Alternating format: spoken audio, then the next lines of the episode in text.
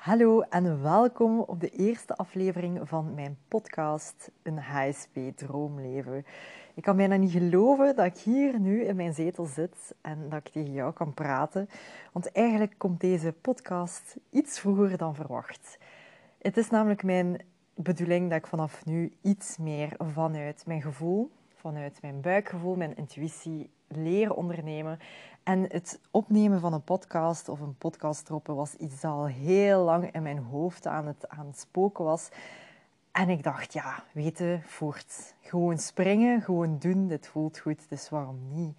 Dus ik wil jou echt, van harte welkom uh, heten. Ik vind het heel leuk dat je enthousiast bent, net zoals ik, en dat je wilt luisteren naar hetgeen wat ik eigenlijk allemaal te vertellen heb. Um, ik zal misschien beginnen. Ik heb hier zo wat notities voor mij in de zetel, zodat ik zeker mijn draad hier niet verlies. en, maar ja, als dat gebeurt, dan is dat ook maar zo. Um, ik ga enkele vraagjes beantwoorden die ik mezelf eigenlijk gesteld heb. Met name voor wie is deze podcast eigenlijk bedoeld? Nu, deze podcast is voor elke hoogsensitieve persoon die zichzelf en zijn hoogsensitiviteit of haar hoogsensitiviteit beter wil leren kennen. En daar ook beter mee wil leren omgaan. Want het is namelijk mijn missie om zoveel mogelijk hoogsensitieve personen de juiste handvaten te kunnen geven in het leren omgaan met hun hoogsensitiviteit. En ik snap zeker, dat is geen evident ding. Um, hoogsensitiviteit kan echt wel met bepaalde uitdagingen gepaard gaan. Um, I, I know, Allee, ik, ik weet waarover ik spreek, want ik ben zelf ook een hoogsensitief persoon. Um, en daarvoor ben ik hier, om als steunpilaar, om als coach jou hierin bij te kunnen staan, zodat jij vanuit rust en zelfvertrouwen ja, helemaal kunt losbreken zeg maar, van onzekerheden, van bepaalde angsten, van bepaalde niet helpende gedachten enzovoort. Die dingen die u klein houden. Want dat is hetgeen wat dat ik niet wil. Je zijt er met uw hele package en je moogt er ook zijn. Ik vind niet dat jij te veel bent. Je bent ook niet te emotioneel. Je bent niet te gevoelig. Je bent in uw totale pakket niet te. En misschien heb je dat wel in het verleden, of misschien zelf nog onlangs gehoord, dat je misschien te bent. Of misschien vind je dat wel van jezelf. Wel, ik vind van niet.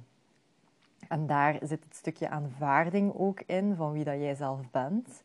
Um, dus ja, vind ik heel belangrijk. Jij bent niet te. Jij mocht uw ruimte innemen. Nu, voor wie is de podcast? Hè? Dus voor elke hoogsensitieve persoon die dus beter wil leren omgaan met hun hoogsensitiviteit, die de juiste handvaten daarvoor wil hebben. Um, ook voor elke persoon die bezig is met persoonlijke groei, met persoonlijke zelfontwikkeling. Natuurlijk ga ik het veel meer over hebben over hoogsensitiviteit, maar natuurlijk is ook iedereen welkom die mooi bezig is met het groeien. Hè? Want uzelf leren kennen, stappen nemen, voor positieve veranderingen creëren enzovoort, dat is niet oneindig. Ik vind, of ik geloof heel hard dat het ontwikkelingsproces binnen in jezelf, dat dat, dat dat niet eindig is. Je kunt daar eigenlijk zo diep gaan als dat je wilt. Dus je bent zeker welkom. Nu, waarom heb ik deze podcast eigenlijk um, gecreëerd? Ik heb het eigenlijk al een beetje verklapt, hè? Dus omdat ik echt wel zoveel mogelijk mensen wil kunnen bereiken, zoveel mensen die die juiste handvaten wil kunnen geven. Dus je bent hier op de juiste plek als je actie wilt ondernemen, als je jezelf beter wilt leren kennen, als je meer inzichten wilt rond en kennis wilt rond hoogsensitiviteit. Uh, maar ook gewoon als je aantrekking voelt tot, tot mij. Niet op een fysieke manier, wil ik zeggen. Maar als jij uh, bepaalde dingen kunt herkennen uh, binnen in mijn verhaal, uh, dan zijt je zeker ook welkom. Want ik deel ook mijn eigen hoogsensitieve journey hierin, mijn hoogsensitieve reis. Um, en ik ga daar misschien nu ook iets verder op ingaan. Want misschien kent je mij al van Instagram, waar dat ik vrij actief op ben. Daar kunt je mij vinden op Coached by Celine. Maar misschien zijt je ook helemaal nieuw en ook welkom. En uh, kent je mij helemaal niet. En daarom vind ik het belangrijk om toch even mijn verhaal te delen. Nu, ik wist eigenlijk pas op veel latere leeftijd dat ik eigenlijk het hoogsensitieve kenmerk in mij had. Ehm, dat was niet een evident proces om door te gaan. Ehm, ik wist eigenlijk in het begin niet dat hoogsensitiviteit eigenlijk zelf bestond. Ehm, maar ik ga bij het begin gewoon beginnen. Hè. Het is zo dat de lagere school en het middelbaar voor mij echt wel heel, heel moeilijke ja, heel moeilijke periodes waren eigenlijk voor mij. Waarin dat ik heel hard struggelde met bepaalde angsten, met bepaalde uh, niet helpende gedachten. Um, ik had heel vaak het gevoel dat ik dingen moest doen. Zo het moeten werkt, werkt eigenlijk absoluut niet goed voor mij. En als je natuurlijk naar school gaat, hè, je kunt dat misschien nog herinneren van vroeger, ik weet het niet. Um, je bent verplicht om op een bepaald uur ergens naartoe te moeten gaan. Je bent verplicht om op een, naar een bepaalde uitstap te gaan, naar een bepaalde reis. Of allee, ik zeg maar iets. Je bent verplicht om op bepaalde uren pauzes te nemen om te lunchen. Om met bepaalde mensen in de klas te zitten. Zo, het heel veel moeten, dat ging mij niet goed af. Uh, sommige dingen waren voor mij ook um, onvoorspelbaar, wat ik ook wel heel moeilijk vond. In die zin dat ik altijd heel hard heb moeten studeren, heel hard heb moeten werken voor punten, voor goede punten, rapporten te krijgen. Maar het harde werken ging niet altijd gerelateerd met een, een supergoed rapport. Hè. Dus ik heb heel hard mijn best moeten doen. Um, dus dat was niet altijd heel um, duidelijk of zeker. Ik had niet altijd die zekerheid dat ik eigenlijk graag had gewild. Nu, ik, ik voelde ook heel veel. Ik voelde, ik werd regelmatig overprikkeld. Nu weet ik dat dat overprikkeling was. Vroeger wist ik dat helemaal niet. Maar het was zelfs zo op een gegeven moment dat ik ja, heel vaak buikpijn had op jongere leeftijd, in het lager, in middelbaar. Heel vaak daarvoor naar de dokter heb moeten gaan van kijk, wat is dat hier juist? Ik heb heel vaak het gevoel gehad van dat er iets met mij scheelde. Dat er iets verkeerd was, dat er iets lichamelijk niet oké was. En zo heb ik dan ook verschillende onderzoeken moeten onderdoen. Hè, bij, bij specialisten uh, naar het ziekenhuis geweest om, om bepaalde... Ja, ze hebben gekeken ook in mijn maag, wat is dat juist? En altijd kwam ik eigenlijk op hetzelfde antwoord. Namelijk, Celine, er is absoluut niets verkeerd met u. Um, ja, je hebt gewoon last van stress. En op een gegeven moment, ik kon dat gewoon niet meer aanhoren. Van, ja, het ligt gewoon aan stress. Terwijl, terwijl ik eigenlijk diep van binnen wist van, dat kan toch niet? Ja, oké, als je overprikkeld bent, zij je natuurlijk onder stress. Maar ik begreep niet van waar dat, dat juist kwam, die stress. Hè? Want ja, je zit gewoon in lagere school, je zit gewoon in het middelbaar. Ja, de, grootste struggle of de grootste worry dat je dan hebt is van heb ik wel vrienden genoeg en ga ik slagen op het einde van het jaar. Allee, dat is nu niet de grootste... Um, dus ik, ik kon het niet zo goed plaatsen van waar dat allemaal kwam. Um, totdat ik eigenlijk naar het hoger onderwijs gegaan uh, ben. Ik ben naar de hogeschool geweest, ik, heb ook, uh, ik ben ook naar de universiteit geweest. En daar ging dat eigenlijk veel, veel gemakkelijker. En is dat eigenlijk een beetje weggegaan, mijn klachten of mijn spanningsklachten, bijna automatisch. En als ik er nu over terug op nadenk, dan denk ik, ja, heel logisch. Want daar heb je ook veel meer vrijheid. Kunt je ook zelf bepalen of dat je wel of niet naar een les gaat, op basis van hoe dat je voelt. Uh, ik wil natuurlijk zeggen, uh, stay in class, natuurlijk. Maar um, ik was een heel perfectionistische student en soms ging ik daar een beetje over. Dus om, om echt wel... Ik kon op die manier veel beter mijn grenzen bewaken. Ik kon veel beter ingaan op hetgeen wat ik nodig had. Dus ik voelde echt wel een verbetering, een verschil in de hogere en aan de universiteit. Door die vrijheid dat ik kreeg. Nu, ik heb mij altijd... Uh, de psychologie heeft mij eigenlijk altijd al geïnteresseerd. Hè? De psyche van de mens. Dus ik wist eigenlijk van heel jonge leeftijd al... Eigenlijk al van op ja, eerste middelbaar al dat ik um, iets met psychologie wou doen. Um, het voelde bijna natuurlijk aan voor mij. Er kwamen automatisch vriendinnen, um, ja, kwamen eigenlijk naar mij toe en vroegen van Celine, kijk, ik zit met iets, hoe kan ik daarmee omgaan? Uh, dus dat, dat, ik, ik trok dat automatisch een beetje aan, die gesprekken. En ik vond dat ook helemaal niet erg. Ik krijg... En ik kreeg ook heel veel voldoening als ik het gevoel heb van, ah, ik heb iemand kunnen helpen.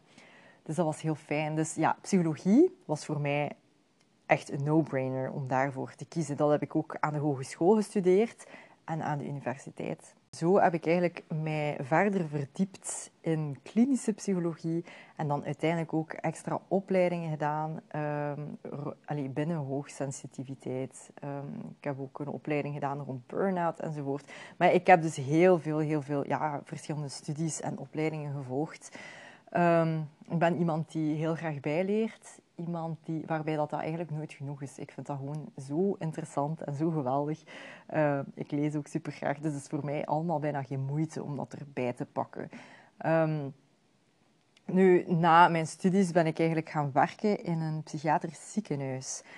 Uh, en daar heb ik eigenlijk heel, heel veel bij geleerd. Uh, en tegelijk was dit een van de grootste uitdagingen die ik eigenlijk in mijn leven al gehad heb. Um, in die zin dat het mij uitdaagde op verschillende vlakken. Je bent bezig met mensen. Dat was op een afdeling van verslavingszorg en persoonlijkheidsproblematiek. Niet de evidentste doelgroep. Um, en op een gegeven moment, ik, ik heb daar heel veel skills in ontwikkeld. Ik heb heel veel, heel veel dingen bijgeleerd. Maar op een gegeven moment voelde ik van dit is niet hetgeen waar dat ik verder in wil gaan of verder in wil groeien. En dat wist ik ook pas omdat ik steeds meer stilstond bij, kijk, ik ben hoogsensitief. Of ik, ja, ik heb dat trouwens niet helemaal zelf ontdekt, hè. dat ben ik trouwens vergeten te zeggen. Maar uh, tijdens um, de studies enzovoort, ik, ben, ik, allez, ik geloof dat iedereen eigenlijk naar een psycholoog moet gaan. Um, ik vind dat dat een mega waarde is in je leven. Dus als je de kans hebt om eens te gaan, doe dat. dus ik ben zelf ook, um, ik noem dat dan mentaal onderhoud. Hè. En ik was eens op mentaal onderhoud bij mijn psycholoog. En ik, ik was eigenlijk aan het vertellen van hoe lastig dat ik het had op mijn werk hè, in het ziekenhuis. En, en ga, alles kwam heel hard op mij af enzovoort. En, en ik vond het moeilijk om de verschillende ballen in de lucht te houden. Om, mijn energie af te schermen, want ik voelde zoveel en ik, ik kreeg daar heel, heel, heel veel stress. Dat was ook een, een open kantoorruimte, zeg maar. Ehm, een open afdeling, dus je ziet alles, je hoort alles, je ziet iedereen werken. Allee, het was niet ideaal voor mij. En ik had eigenlijk alles, alles al geprobeerd binnen mijn mogelijkheden om dat haalbaar voor mij te maken. En uiteindelijk zei die psycholoog bij mij, tegen mij van... Ja, dat is toch logisch dat je dat moeilijk vindt? Ik zeg, ah ja, vertel. Ah ja, want je bent hoogsensitief. En toen is dat woord eigenlijk voor de eerste keer is dat gevallen. Ongelooflijk toch, vind ik. Want ik heb psychologische studies gedaan en nooit is dat woord in mijn boeken terechtgekomen. Ik vind dat eigenlijk heel erg. Maar oké, ik ben heel dankbaar voor dat gesprek met die psycholoog. Anders, had ik het, ja, anders was mijn zoektocht eigenlijk nog heel lang, hè, denk ik. Dus en dan heb ik mij eigenlijk heel hard ook nog... Allez, um, heb ik me heel hard gefocust op, die, op dat onderwerp, op dit thema. Heb ik inderdaad dan al die opleidingen gevolgd enzovoort. En ik ben vooral trouw gebleven naar mijn eigen gevoel. En zo heb ik dan mijn job eigenlijk stopgezet. Uh, het maakte mij niet meer gelukkig. Ik voelde diep van binnen van dit is niet iets voor mij. Dit is niet mijn doelgroep. Dit is niet het soort werkplek waar dat ik gelukkig van word. En ik voel vooral dat ik niet iemand ben om in loondienst te gaan. En ja, dan vind ik dat je naar dat gevoel mocht luisteren. Want wat maakt het anders uit? Hè? Dan, dan blijf je zo wat in datzelfde potje zitten en daar word je ook niet gelukkig van. Dus ik heb gesprongen. Trust me, ik heb daar maanden over gedaan om die beslissing te nemen, maar ik heb het wel gedaan. En ik ben daar heel, heel trots op, want dat is een van de beste beslissingen dat ik gemaakt heb. En tegelijk ben ik ook dankbaar dat ik het gehad heb, hè, want ik heb daar heel veel geleerd. Maar ook dankbaar dat ik dat hoofdstuk kan afronden. En zo heb ik eigenlijk beslist om te starten met Coached by Celine. En Coached by Celine is eigenlijk uh, begonnen toen ik nog fulltime werkte in het ziekenhuis. Ik had iets nodig om mij te kunnen optrekken. En ik, ik wou zelf mijn regels bepalen. Ik wou zelf um, zien met wie dat kon samenwerken. Ik wou zelf mijn coachingsbedrijf opstarten. Ik wou zelfstandige worden. Dus ik, hield mij, ik trok mij daaraan op eigenlijk. Hè. Dus na de, de fulltime werkuren deed ik dan die coaching eigenlijk daarnaast. Dat was eigenlijk echt wel zot. Um, en nu, ja, Coach by Celine bestaat gelukkig nog steeds. Uh, ik doe dit ongeveer bijna twee jaar, zal dat zijn. Uh, op dit moment is dit een bijberoep dat ik het doe. Um, ik ben dus gestopt in het ziekenhuis en ik heb dus Coach bij Celine verder gedaan. In combinatie doe ik dit nu met het werken in een boekenwinkel. En je denkt misschien, hè, boekenwinkel? Snap ik helemaal. Dat is helemaal iets anders. Hè? Maar waarom heb ik daarvoor gekozen? Omdat, ja, één, financieel. Hè? Uh, voelde ik dat ik het nog niet helemaal kon trekken met mijn coaching alleen. Ik ben daar heel realistisch in. En ten tweede, ik had ook... Ik, ik kon geen extra job erbij pakken dat ook nog een keer mentaal uh, zwaar was. Hè?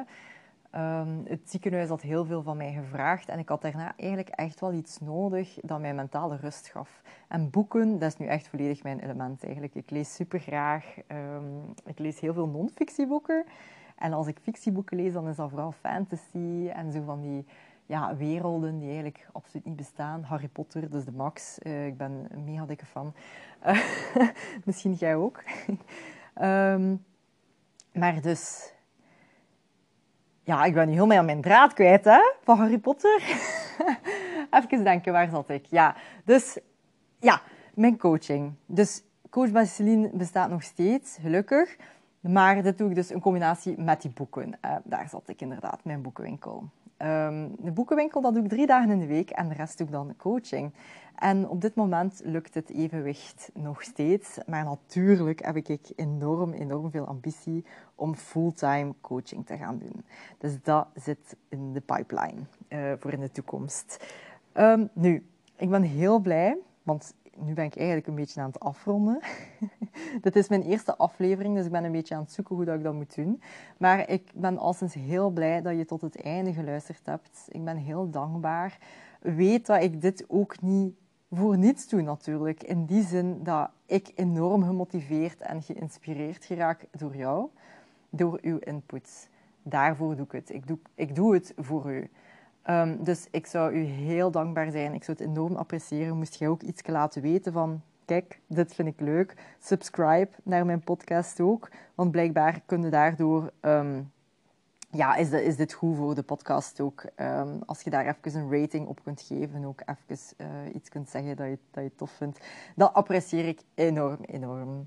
Dus bij deze, je kunt eigenlijk al naar de volgende afleveringen gaan. Ik heb er eigenlijk al een paar op voorhand opgenomen. Dus uh, hier stopt het niet. Dus hopelijk zie ik je, of uh, hopelijk luister je verder, want ik zie jou niet. Hopelijk luister je verder naar de nieuwe afleveringen. Tot later. Dag.